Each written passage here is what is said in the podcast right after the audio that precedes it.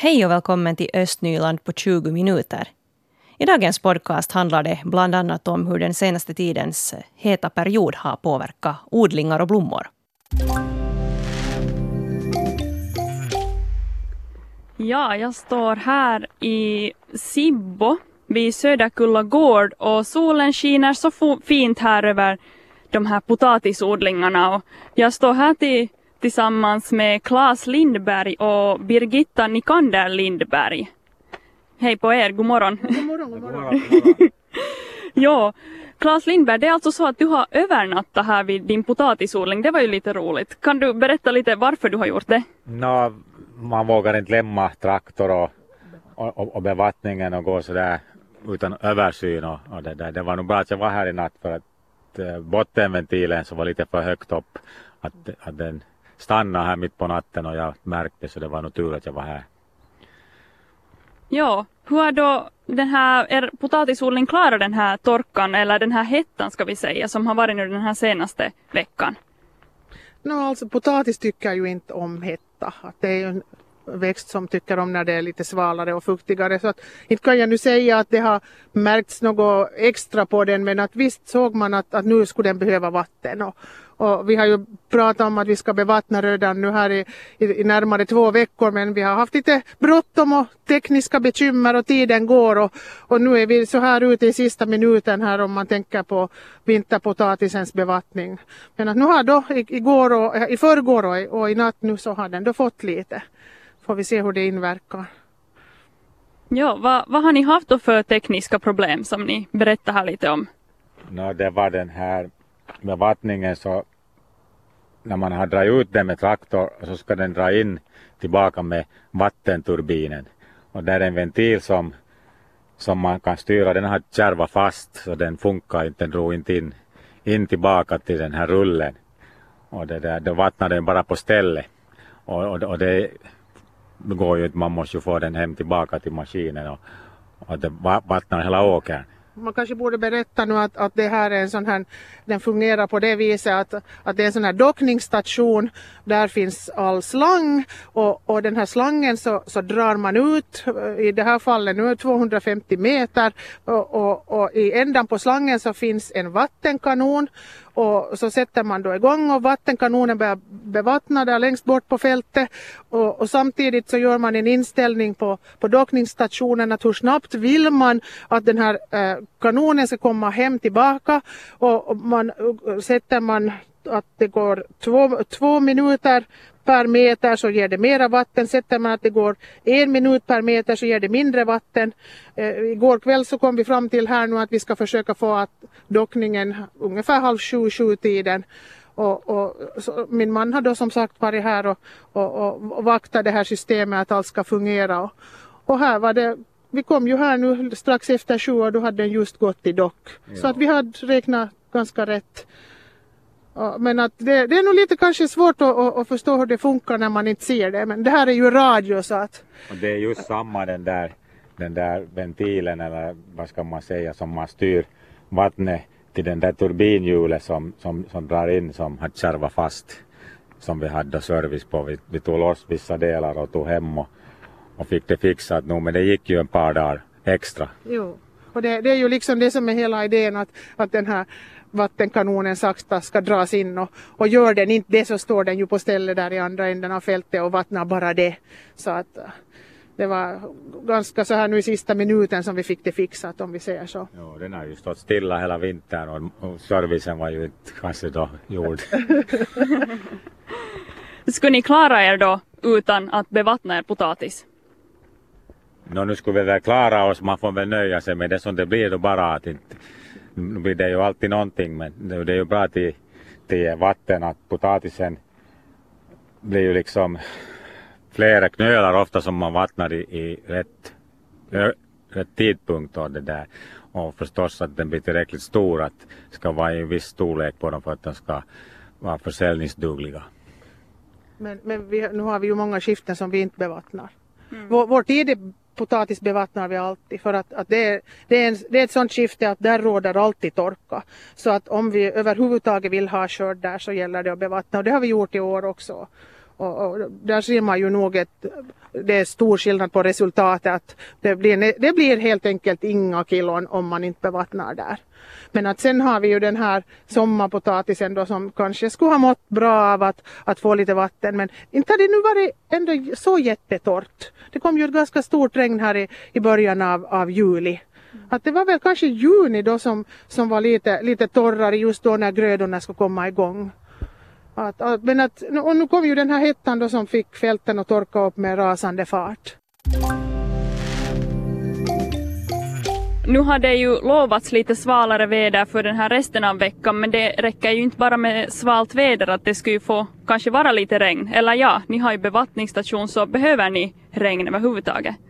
Nå, då får det komma lite regn ännu nu i augusti. I början av Ja, till 15 augusti skulle jag säga. Sen får det nog börja torka upp att det går bra till, till skörda. Hur, hur torrt måste det vara då när man ska skörda potatis eller? Nå, inte får det vara för torrt men alltså passligt att, eh, att det kommer mylla med, med som skyddar potatisen, att det inte får mekaniska skador, det är ju viktigt. Men är det för vått så då funkar det ju inte. Att, att de här jordarna här så är sån här Fukthållande. fukthållande, vad ska jag säga, mullrika grynlera. Så det är verkligt besvärligt om det kommer ett 50 millis regn veckan som man ska börja ta upp. För då blir det problem. Hur ser man då på potatisen att den börjar vara för torr? Nå, nu ser man ju det att om, om blasten börjar vissna ner och börjar falla ner så då, då är det verkligen ganska långt gått redan. Men att ja, potatisen är en ganska tålig knöl egentligen om man tänker att, att eh, det är ju bara det som vi har diskuterat här, den går ju, det går ju ut över skörden att har det varit en torr odlingssäsong och du inte har tillfört vatten alls så blir ju skörden betydligt sämre. Men att vi brukar säga så här vi att äh, bättre torrt än, än vått för vi kan tillföra vatten men vi kan inte ta ifrån vatten. Att det är just de här fukthållande jordarna som vi har som gör att vi säger så. Att, att det är nu, inte vet jag hur jag nu ska säga desto vidare. Just nu ser läget helt okej okay ut egentligen. Men det är ju först när vi börjar skörda som, som vi ser att, att, att, att hur är det i verkligheten. Det hinner ju hända en massa under augusti månad ännu. Att det, den här månaden som är kvar innan vi börjar med vinterpotatisupptagningen. Vad skulle vara då idealvädret för den här resterande perioden för den här vinterpotatisen? Ja, vad ska jag svara på det? Sol på dagen och lite, lite fukthållande regn på natten så det är passligt. Inte för stora, stora regn på en gång. Några små regn nu i, i, i, här i, slutet av, av juli, början av augusti. Sen får det nog gärna vara ganska torrt sen när skördeperioden börjar för oss och andra. Att eh, det, då, det är något större regn i, i slutet av augusti, jag vet inte om det är nu något större idé med dem utan det är nog mera gör mera harm än nytta. Ja, det är ju lite som ni redan sa, det är lite svårt att veta att hur skörden kommer att bli, men vad är er tippning? Kommer det bli en bra, bra potatisskörd i år? No, där vågar man inte svara för förrän man har skördemaskinen igång. Nu kan man ju gå och ta upp några skaft och, och det där, räkna antalet knölar och, och se hur stora de är. Men det är nog inte det skedet ännu att det går riktigt att bedöma på vinterpotatisen. Och, och, och sen är det ju alltid hurdan kvalitet det blir om det blir växtsprickor och när det är ojämn, ojämn fukt eller skorv eller, eller om det blir röta så, så det där. Det vet man ju först när man, när man skördar egentligen. Ja, vi får hoppas att det blir både bra väder och att ni får en bra skörd så att vi får potatisen på bordet. Ja, ja. det får man ju alltid hoppas. Ja. ja, jag tackar för mig här från, från Sibbo så går vi över till studion. Tack Victoria Rikonen som där träffar Claes Lindberg och Birgitta Nikander Lindberg i Sibbo.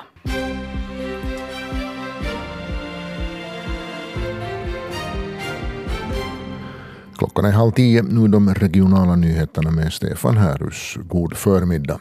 Situationen med hushållsvattnet i Kärkko i Borgo har inte förändrats. Ännu klorerar man hushållens apparatur.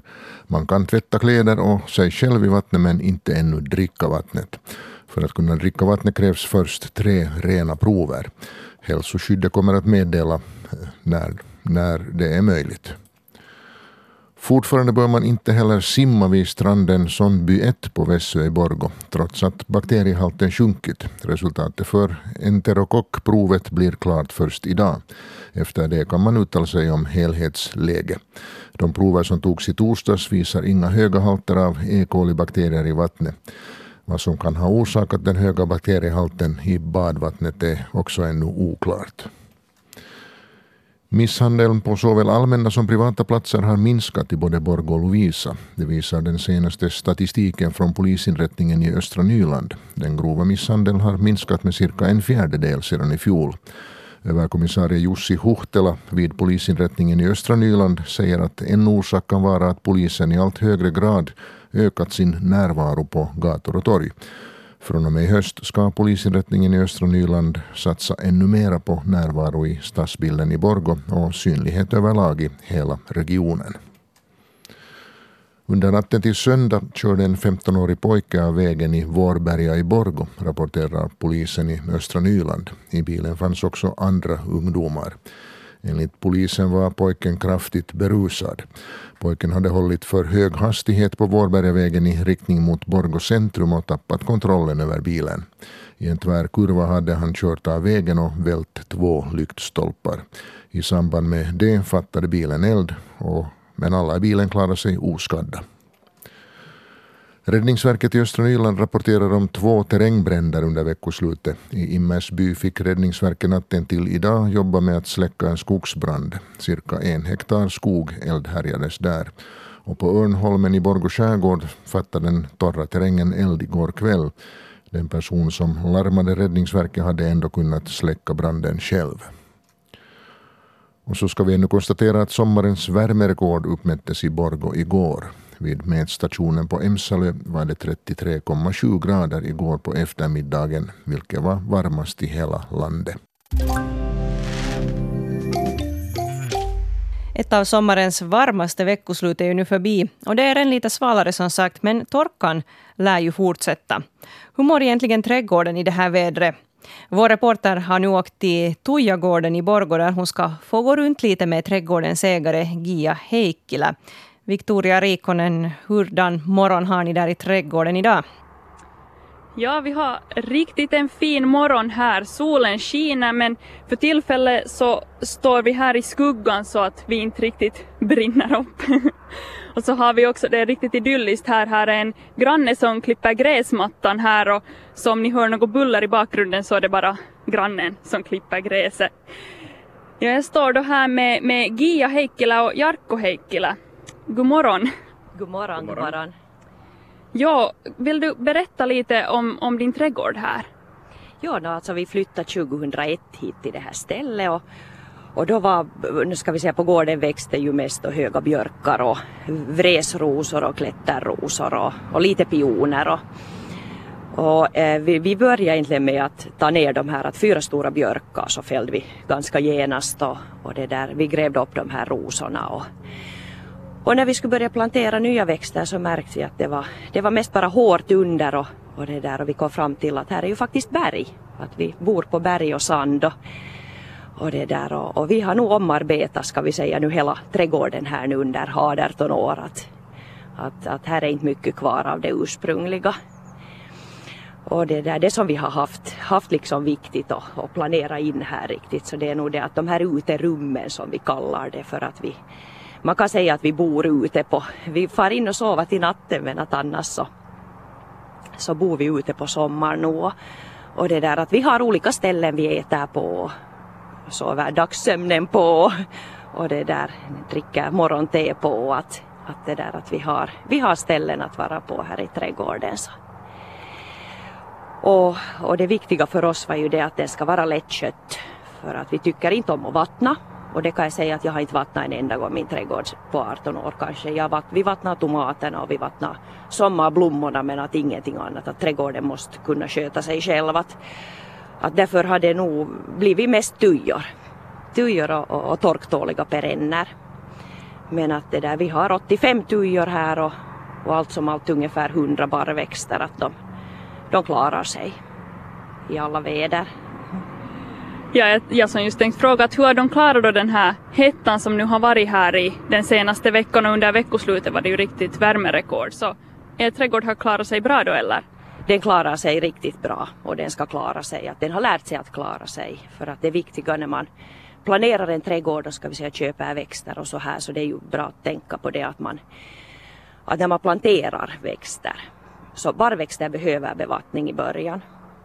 De, de måste, men att, att annars så, så det att, att när man planterar så ska man vattna och annars också om man vill vattna ska vi säga sin trädgård så är det bra att tänka på att man vattnar mera sällan och mycket så att vattnet liksom söker sig ner i jorden och rötterna på det viset växer neråt. Att om man vattnar ofta och lite så vänjer sig rötterna att vattnet är vid ytan så de växer uppåt och då blir de liksom mindre torktåliga. Så vi har gått in för det att inte vattna egentligen alls, att rötterna är säkert jättelångt ner och, och sen, sen att den får sköta sig själv. Ni har ju då liksom andra växter här än bara barkträd och, och eller vad heter det, barrträd heter det. Eh, så hur har till exempel vinbärsbuskarna klarat sig i hettan? De har klarat sig jättebra och, och det där, eh, de har alltså mogna, vin, vinbären har mognat två veckor tidigare än normalt ska vi säga. Att, att vi har en koka saft och, och det blev lite mindre faktiskt saft i år. Att vi har brukat få där mellan 16 och 20 flaskor men att i, i år blev det 12. Men som sagt att det mognar tidigare. Och hallon är lika, att vi får massor med hallon. Att vi plockar i medeltal, vad skulle vi säga, en, en liter per dag hallon. Att, att de har trivts också av hettan. Du är ju utbildad eh, trädgårdsmästare, så hur ska man då planera sin trädgård om det blir sådana här heta somrar i framtiden också? No, det som är viktigt är ju att tänka på att man eh, bekantar sig med eh, för det första sin trädgård. Att är det en torr plats, är det en fuktig plats, är det skugga, mycket sol. Och sen att man just bekantar sig också med växterna. Att man köper rätt växter för sin rätta plats, hur ska jag säga. Att det finns växter som tål torka, det finns växter som inte tål torka. Det finns sol, soliga platsens växter och, och sen sen vad heter det, skuggiga platsers växter. Att, att det är viktigt att tänka på. Att no, nu märker man förstås att om man sätter på fel ställe så de dör ju bort. Att inte det är ju desto farligare men att, att det där, det, man, ska, man, man kan tänka på det före man liksom börjar, börjar överhuvudtaget köpa tycker jag växter. Att, att man kollar upp att hurdan gård har jag. Vad ska man tänka på då när man planterar de här växterna då?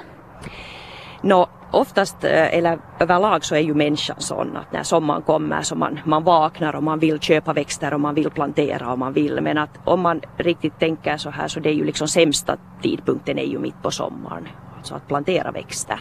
För då är det torrt och då måste du vattna jättemycket förstås. Om du vattnar mycket klarar det sig. Men att, men att bästa tidpunkten att plantera är vår och höst. Att då, då är det liksom normalt fuktigt i jorden och, och i luften. Att, att det, det är bra att tänka på det.